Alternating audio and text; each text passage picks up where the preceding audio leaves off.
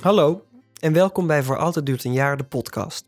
De podcast omdat Voor Altijd Duurt een Jaar ook een theatervoorstelling is. En vandaag begin ik met je iets te vertellen over die voorstelling. Want we gaan vandaag met de podcast en mijn onderzoek in Liefdesland een nieuwe fase in.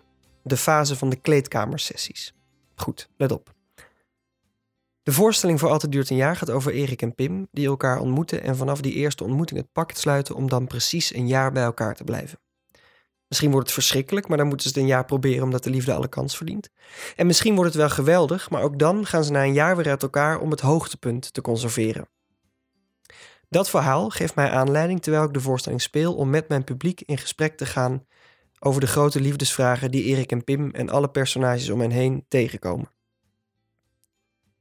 Zo verandert de zaal dus van toeschouwer in een hele grote denktank. Want een van de eerste dingen die ik leerde op mijn onderzoek in Liefdesland is dat we allemaal experts zijn. We hebben allemaal dagelijks te maken met de liefde of het gebrek daaraan. Daarom bevraag ik mijn publiek en zo hoor ik af en toe een verhaal waarvan ik denk, daar wil ik meer van weten. Die persoon nodig ik dan uit om meteen na de voorstelling, als de echo van het applaus nog in de zaal hangt, met mij naar de kleedkamer te gaan. En zo praat ik in de kleedkamer meteen na de voorstelling door met iemand uit de zaal over zijn of haar liefdesverhaal, of misschien wel over de dingen waar hij of zij mee worstelt. Dat ga je vanaf nu horen in de podcast.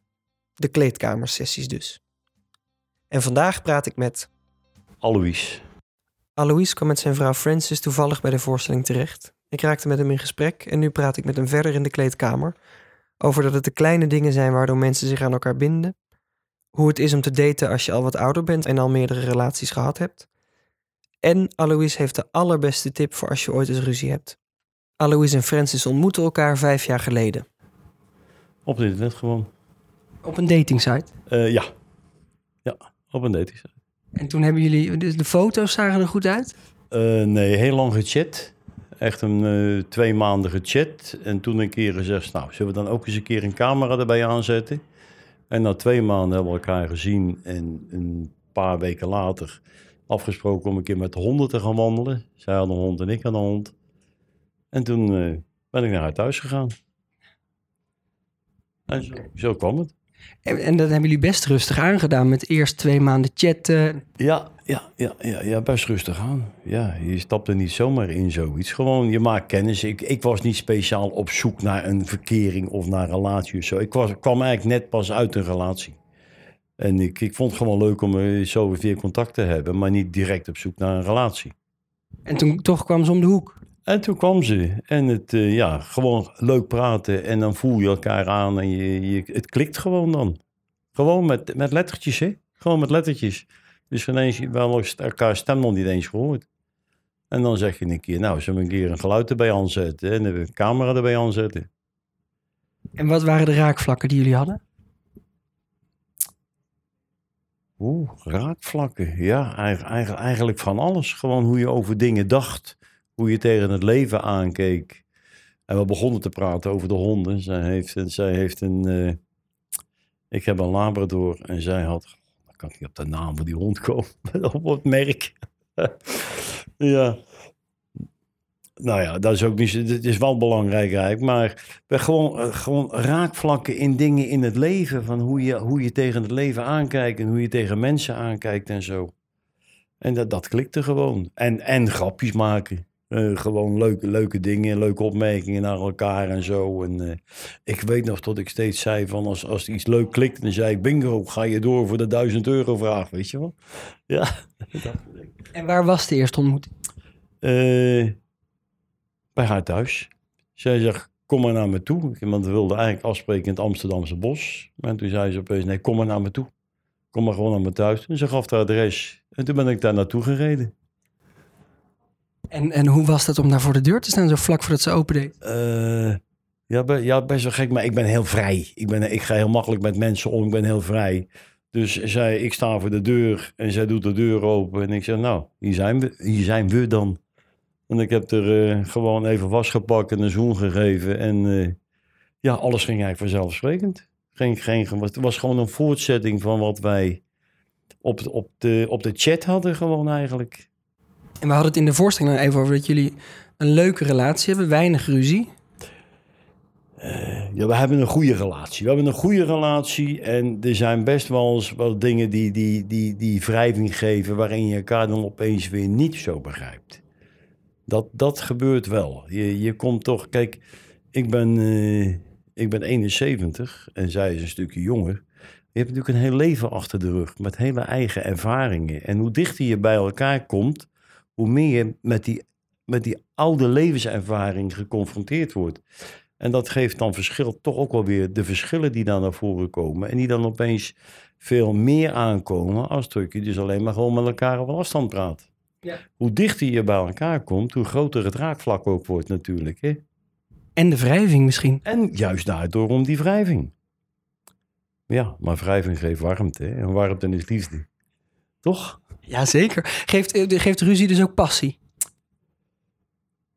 Ja, passie, passie. Er, er, er, is, er is passie tussen ons, zeker weten. Maar of die nou door die ruzie aangewakkerd wordt, zo van je maakt ruzie en nou, nou wordt het weer heftig bijgelegd. Nee, nee, dat, eh, nee. Maar dat heb ik nooit zo gezien. Dat geloof ik ook niet zo in. Dat je dus, eh, als je ruzie hebt, dat je daarna beter, beter vrijt of wat dan ook. Nee. En wat zijn nou de regels voor goed ruzie maken? Eh, ik heb eigenlijk, het lukt niet altijd, maar ik, wil, ik vind eigenlijk als je ruzie maakt, moet je elkaars hand vasthouden. Dat je bij elkaar blijft. Van, ik, ben kwaad op je, ik, ik tegen je, maar ik hou wel je hand vast. Je moet wel bij me blijven. En dat is wat zij dan ook zegt, van je maakt ruzie om bij elkaar te blijven. Dat moeten we invoeren voor, voor heel Nederland. Verplicht elkaars hand vast te houden. Ja, hou je hand, hou elkaars hand vast als je ruzie maakt. En, en ben je een opvliegend type? Helemaal niet. Nee, ik ben heel rustig. Ik ben niet. Zij heeft veel meer temperament dan ik. Zij gaat echt. Zij kan echt uit de dak gaan, bij wijze van spreken, als ze kwaad is. Maar ik vind dat heerlijk. En dan moet ik me eigenlijk soms een beetje inhouden om er niet van, van te genieten. Want stiekem ben ik er ook een beetje jaloers op. Hè. Zij dat temperament, het gewoon het kunnen schelden. oh, Weet je, dat echt zo tekeer gaan.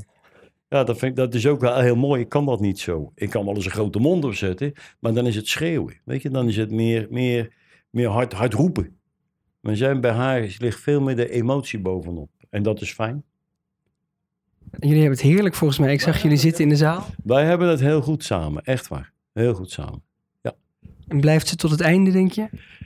Nou Ja, dat vroeg je in de dingen ook. Hè? Van, de, de- denk je tot het voor altijd is? Natuurlijk denk je tot het voor, dat het voor altijd is. Want wat jij daar nou bracht vanavond, dat is natuurlijk een absurd verhaal. Dat gaat ook niet, dat, dat kan dus ook niet. Het is een absurd verhaal, liefde voor een jaar. Als je, als je met iemand samengaat, dan ga je voor altijd. Dan ga je voor de hoofdprijs, dan ga je voor eeuwig. Maar ja, zij is ook mijn derde relatie. En Francis is ook een keer eerder getrouwd geweest. Dus je weet natuurlijk, je bent best wel zo. Je begrijpt best wel dat je niet altijd, tot het niet altijd. Je hebt geen garantie. Er is geen garantie. Maar je gaat er wel voor en je gaat er ook vanuit dat het gaat lukken. Alois is voor mij zo'n voorbeeld van een liefdesexpert die ik nooit was tegengekomen als ik de voorstelling niet had gespeeld. En die voorstelling die is inmiddels aan het spelen en wordt heel goed ontvangen en steeds meer bijgeboekt. Dus ik noem nog even op wanneer je nog kan komen kijken.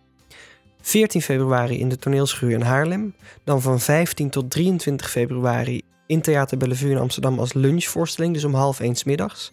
De avond van 23 februari in de Lieve Vrouw in Amersfoort. En 24 februari in de Verkadefabriek in Den Bosch. Ik hoop je dan te zien en goed onthouden, als je ruzie hebt, verplicht elkaars hand vasthouden. Dag!